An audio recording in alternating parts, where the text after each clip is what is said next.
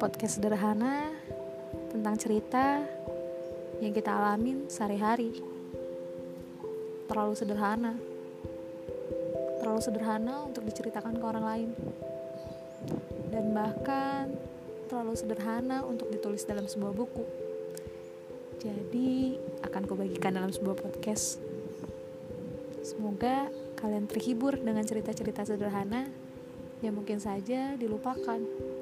Tapi kalau kita ingat lagi, bisa jadi sebuah pengingat, penyemangat, bahkan yang bisa ngebongkar luka lama kita yang udah kita simpan dalam-dalam.